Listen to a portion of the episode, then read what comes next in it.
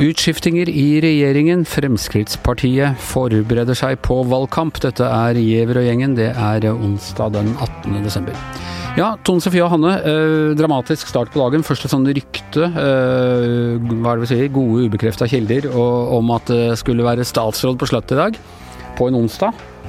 Det er jo alltid i seg selv litt dramatisk i og med at statsrådene alltid er på fredager med mindre et eller annet stort har skjedd. Hva tror vi kan skje da? Skal regjeringen gå av? Er det Mest sannsynlig er jo statsrådsskifte. Ja. Og det var det også i dag. Men hvorfor på en onsdag? Det har vel noe med den eh, fredagen før jul, er det vel ikke så veldig ønskelig å dra i gang den bøtteballetten her. For jeg tror det er rett og slett ja, dra i gang, Er det ikke på jobb, eh, er det ikke på jobb liksom 19. Eh, desember, 20. desember? Jo, det er det sikkert, men det er ganske mye som skal ordnes og sånn. Og når man først har gjort en beslutning, så så tror jeg noe med å få nyheten fortest mulig ut da, for hvis man venter i mange dager og sånn, så er det noe med at da snapper sånne som oss det opp. Det, det skjønner jeg jo selvfølgelig, men Og så kan du alltid tenke at uh, journalisten også hadde lyst til å gå litt tidlig hjem på siste fredag før jul og handle julegaver. Tror du de er så omsorgsfulle? Nei, ikke omsorgsfulle, men da får de ikke nok presse. Og nei, på ingen måte omsorgsfulle. Norge er, eh, Norge er ridd av et godhetstyranni, vet du, så, så, det kan jo være derfor. Men eh, hvorfor har ingen snappet opp? Eh... Uff, nå spør du vanskelig, Anders. Det er jo pinlig for oss. Altså, noen ganger så kommer sånne lekkasjer, så hører man om det i, eh, i dagevis og rykter og sånne ting, men denne her klarte ma de Mange har jo venta på endringer i regjering, men det er ikke først og fremst i Frp vi har venta på. Og det har vært en eh, intern, eh, relativt liten endring blant de mest innvidde nestlederne, og det er ofte litt sånn at jo flere som er eh, informert, jo lettere er det at det sprer seg. Så det er sånne nyheter går også an å holde, hvis de bestemmer seg for det. Ja, og det som altså skjedde, som har vakt mest oppsikt, det er jo da at olje- og energiminister Kjell Børge Freiberg, ikke regjeringens mest profilerte, eh, har fått avskjed i nåde, og er blitt erstattet av den som man må si kanskje er regjeringens mest profilerte, nemlig Sylvi Listhaug. Jeg så ikke den komme, det må jeg bare innrømme. Gjorde du? Eh, jeg venta på at Sylvi før eller siden skulle få større oppgaver, men ikke olje og energi, nei. nei det, vi trodde nok eh, her at det var mer eh, den hjemkomne sønnen fra Amerika, Kjetil Solvik-Olsen eller noe sånt, som ville rykke inn. For det var liksom hylinga og skrikinga i redaksjonen i morgen. Hvor er han, er han i USA? Liksom alle regna med det, egentlig. Ja, så Nei, så det var, det var ikke det mest uh, venta, men uh, Og heller ikke Søviknes, men uh, når man først fikk nyheten, så er det jo ikke så usannsynlig, for han er jo blitt arbeidsledig. Ja, for, han fikk verken den ene eller andre jobben han søkte på? Nei, han slutta jo som statsråd for å reise for mer tid til familien, og var jo også tydelig på at han ønska å bli ordfører i hjemkommunen, sammenslåtte nye Bjørna, Bjørnafjord kommune, eller fylkesordfører, og det ble han ikke. Man sier som så. David Letterman sa da han kom kom tilbake på TV etter å ha slutta med showet sitt, at når du sier at du skal slutte for å bli tilbringe mer tid med familien. Husk på å sjekke det med familien først. Men nå er det en rørende historie nå da om at uh, nå har barna sagt at nå er det greit når du har vært hjemme nok, så nå kan ja, du dra igjen. Ja, sant. Det holdt med at du var hjemme i to måneder, far. Uh, ok. Uh, dette med Sylvi Listhaug har naturlig nok da vakt oppsikt allerede, og det var litt kok på pressekonferansen. Og det er jo litt spesielt hvis vi nå får en olje- og energiminister som mener at menneskeskapte klimaforandringer er noe man har funnet på for å ilegge flere skatter og avgifter som hun sa for eh, noen år siden. Men nå mener hun ikke det lenger, det var Erna Solberg veldig ja, tydelig på på pressekonferansen. Det mener hun ikke lenger, Anders. Jo, men det har vi hørt før at Erna Solberg mener at Sylvi Listhaug mener noe annet enn det Sylvi Listhaug mener at hun mener. Vil hun nå bli tvunget til å gå ut og si at nei, hun tror på menneskeskapte klimaendringer?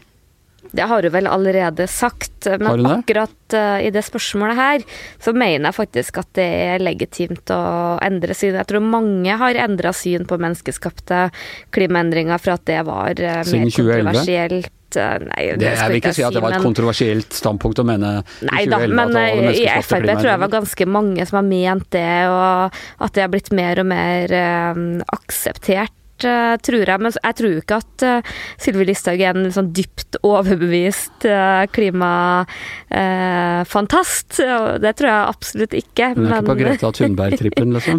jeg tror ikke hun er det. Jeg tror ikke hun lanserte henne til Nobels fredspris. kan det bli artig å se for seg Ola Elvestuen og Sylvi Listhaug diskutere oljepolitikk iskanten, alle disse kontroversielle spørsmålene i olje, hvor de begge er ganske strie folk. Ja.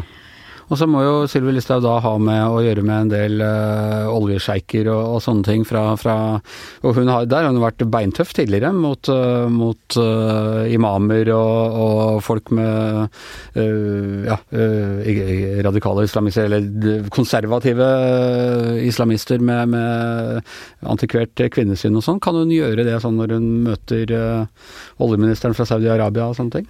Nå har jeg reist med tidligere oljeminister Ola Borten Moe til Saudi-Arabia. Eh, det var jo noe helt annet, selvfølgelig. Men Marit Arnstad, som også var eh, olje- og energiminister, hadde med babyen sitt og satt og ammet sammen med i hvert fall nærheten av disse sjeikene for mange mange år siden. De har jo en helt annen sånn Fikk de jentelus da, eller hva, hvordan gikk det? de har en helt annen slack overfor utlendinger enn overfor sine egne kvinner, som de jo behandler særdeles eh, dårlig.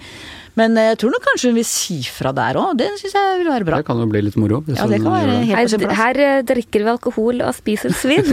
Ikke sant? det går jo en litt sånn Riyadh, så saying i Frp-miljøet nå at uh, det nye blir I Norge drikker vi olje og spiser SUV. Så det, så det blir nok en, et annet ansikt utad, og det tror jeg er ganske uh, bevisst fra Frp. Og at de ønsker en politiker som både fronter det positive med oljeindustrien, og som skiller seg mer ut og også kommer mer i debatter og ser at de kan vinne på det. Ja, Sånn sett så er det ganske smart departement å gi henne, er det ikke det? Eh, og nettopp også fordi butikken på en måte går av seg sjæl.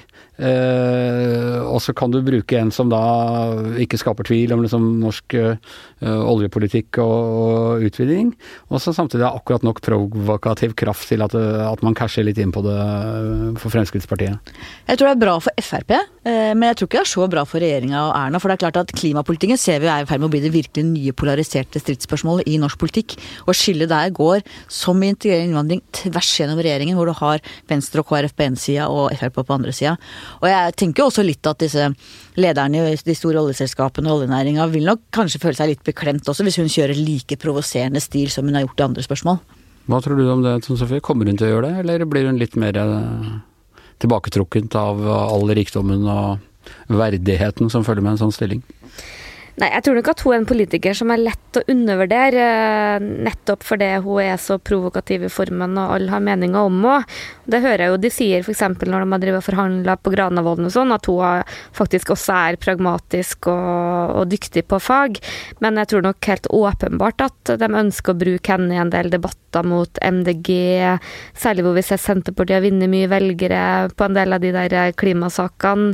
Eh, så mm, jeg tror nok at det kan bli tøffere innad i regjeringa, mer konfrontasjoner. Jeg har møtt noen venstrefolk i dag som var ganske bleike om nebbet, for nå har det liksom vært litt ro i regjeringa, og ja, det, det, det, det, blir vel neppe det med Sylvi Listhaug i den. Vi vet jo det kommer tunge saker. Men uh, ja, er det, er det, har det vært noen offisielle, eller altså offentlige reaksjoner fra noen i Venstre eller uh, Kristelig Folkeparti på, på, disse utnevnelsene? Og da tenker jeg særlig på Sylvi Listhaug, selvfølgelig. Ikke det jeg har fått med meg, og det tror jeg virkelig at de vil. De vil bite seg i tunga, men uh, holde kjeft. Uh, ja, det var Sylvi Listhaug. Litt mindre kontroversielt med, med Søviknes, som uh, til tross for sin uh, gamle historie og sånn, er regnet som liksom virkelig den delen av Frp-eliten som er sånn skapt til å drive regjeringsarbeid uten at det blir noe særlig bråk rundt det? Han er en solid politiker med stor gjennomføringskraft og, har, og kjenner liksom politikkhverdagen fra mange mange år i kommunepolitikk og fylkespolitikk.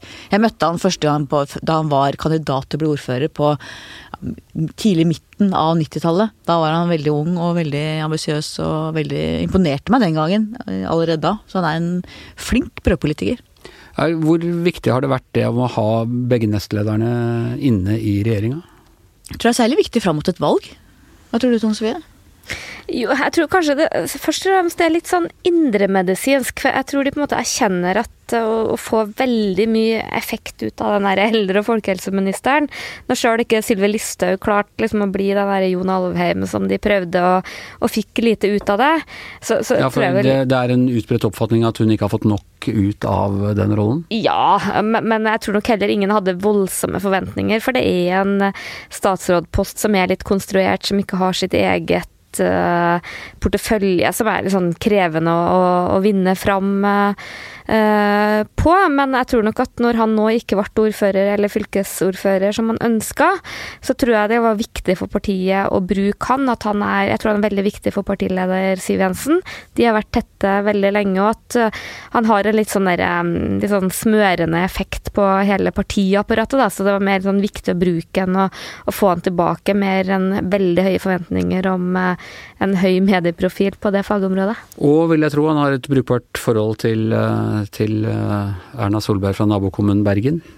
Absolutt, og han er jo en politiker som er veldig respektert. Og så har han uh, veldig lang erfaring fra kommunepolitikken. Og også på det området så har jo Os vært et sånn utstillingsvindu i eldreomsorgen. Mye privatisering som har vært kontroversielt, men også gjort veldig mye kule ting med sånn bar på sykehjem og en del sånne mm. ting som, som, mange har sett etter. Så det, det er nok også et område som han kan godt. Men det var Fremskrittspartiet. Må, altså vi har jo snakket om Høyre opptil flere ganger de siste ukene. Eh, må ikke de også nå shake opp uh, lite grann? Jo, det var jo der vi hadde radaren ut, da, for det har liksom ligget så i kortene at uh, FR, nei, Høyre bør uh, fornye. Og Erna sa det vel mer eller mindre sjøl i går og på sin pressekonferanse at, uh, at det er naturlig å se på hvem som skal være med videre. Men jeg tror nok at både den Nav-saken som er uavklart, og luftambulanseuro og sånne ting, gjør at det i hvert fall bidrar til at det kan dra mer ut, da.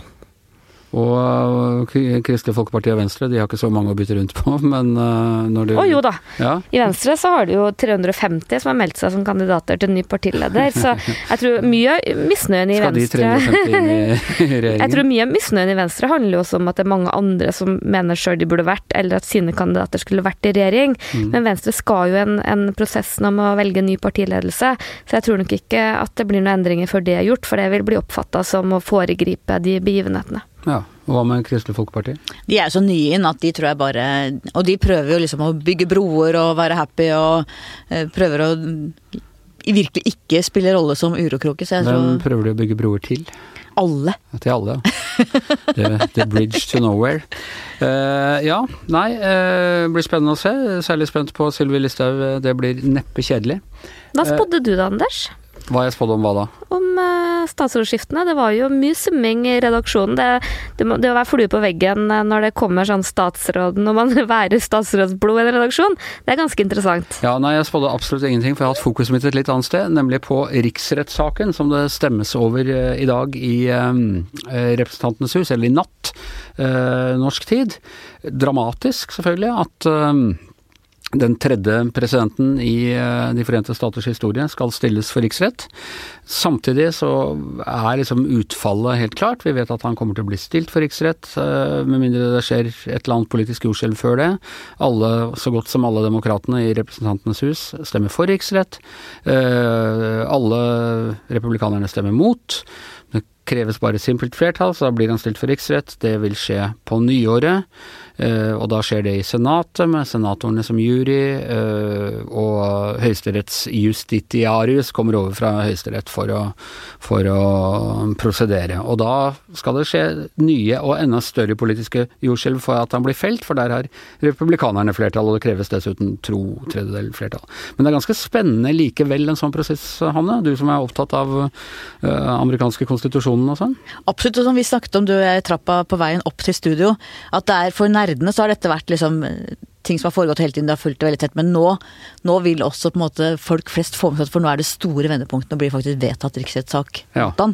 Jeg, første gang jeg var inne i den kapitolbygningen i Washington, det, var, det er nå ja, snart 21 år siden, da Bill Clinton ble stilt for uh, riksrett. Og da husker jeg uh, Da var vi litt sånn Nei, han kommer aldri til å bli dømt osv. Så videre, sånn. Men alle republikanerne jeg traff da, var helt overbevist om at, han, om at han kom til å bli det. Og det var en ganske sånn historisk stemning der, eh, der også.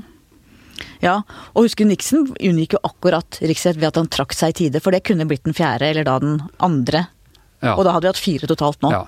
Men ingen er blitt dømt eh, i riksrett, og det, og det, er viktig å understreke at dette er en politisk eh, prosess og ikke en juridisk eh, prosess. Og eh, hvis republikanerne bare bestemmer seg for at dette, dette tåler vi, så, eh, så, skjer det ikke noe med det. Men det er interessant når vi tenker på Nixon, at da var det jo veldig mange republikanere som også ville ha stemt for å dømme han. Det var jo det han fikk vite da han trakk seg, at nå var det liksom to-tre stykker igjen kanskje i ryggen hans, og ellers var alle på andre sida. Mens denne gangen så har altså ikke republikanerne styrke til å stå opp mot en president som uh, har gått uh, utover alle grenser. Og man må vel si at det Nixon hadde gjort tross alt var ganske mye mindre enn det Trump i hvert fall beskyldes for, uten at vi skal skal forskuttere det for mye. Det blir veldig spennende. Vi må følge med på VGTV og VG generelt, selvfølgelig, utover kvelden og, og natta. Du kommer til å sitte oppe, Anders? Jeg kommer til å sitte oppe lenge. Jeg skal også opp her i morgen tidlig og, snakke om det og, sånne ting. Så nei, historisk. Dramatisk i det store perspektivet. Ikke så dramatisk i det der dag-til-dag-greia nå, for nå har jo liksom den der eh, prosessen pågått i en måned, og det har vært ganske klart hvilken vei det bærer hele veien. Uh, men da er Giæver og gjengen over for i dag. Uh, I studio Tone Sofie Aglen. Anne Skartveit, Anders Giæver og vår høyeste podstituarius. Den måtte jeg skrive ned for å få til. Eh, bak spakene Magne Antonsen. Vi høres igjen i morgen.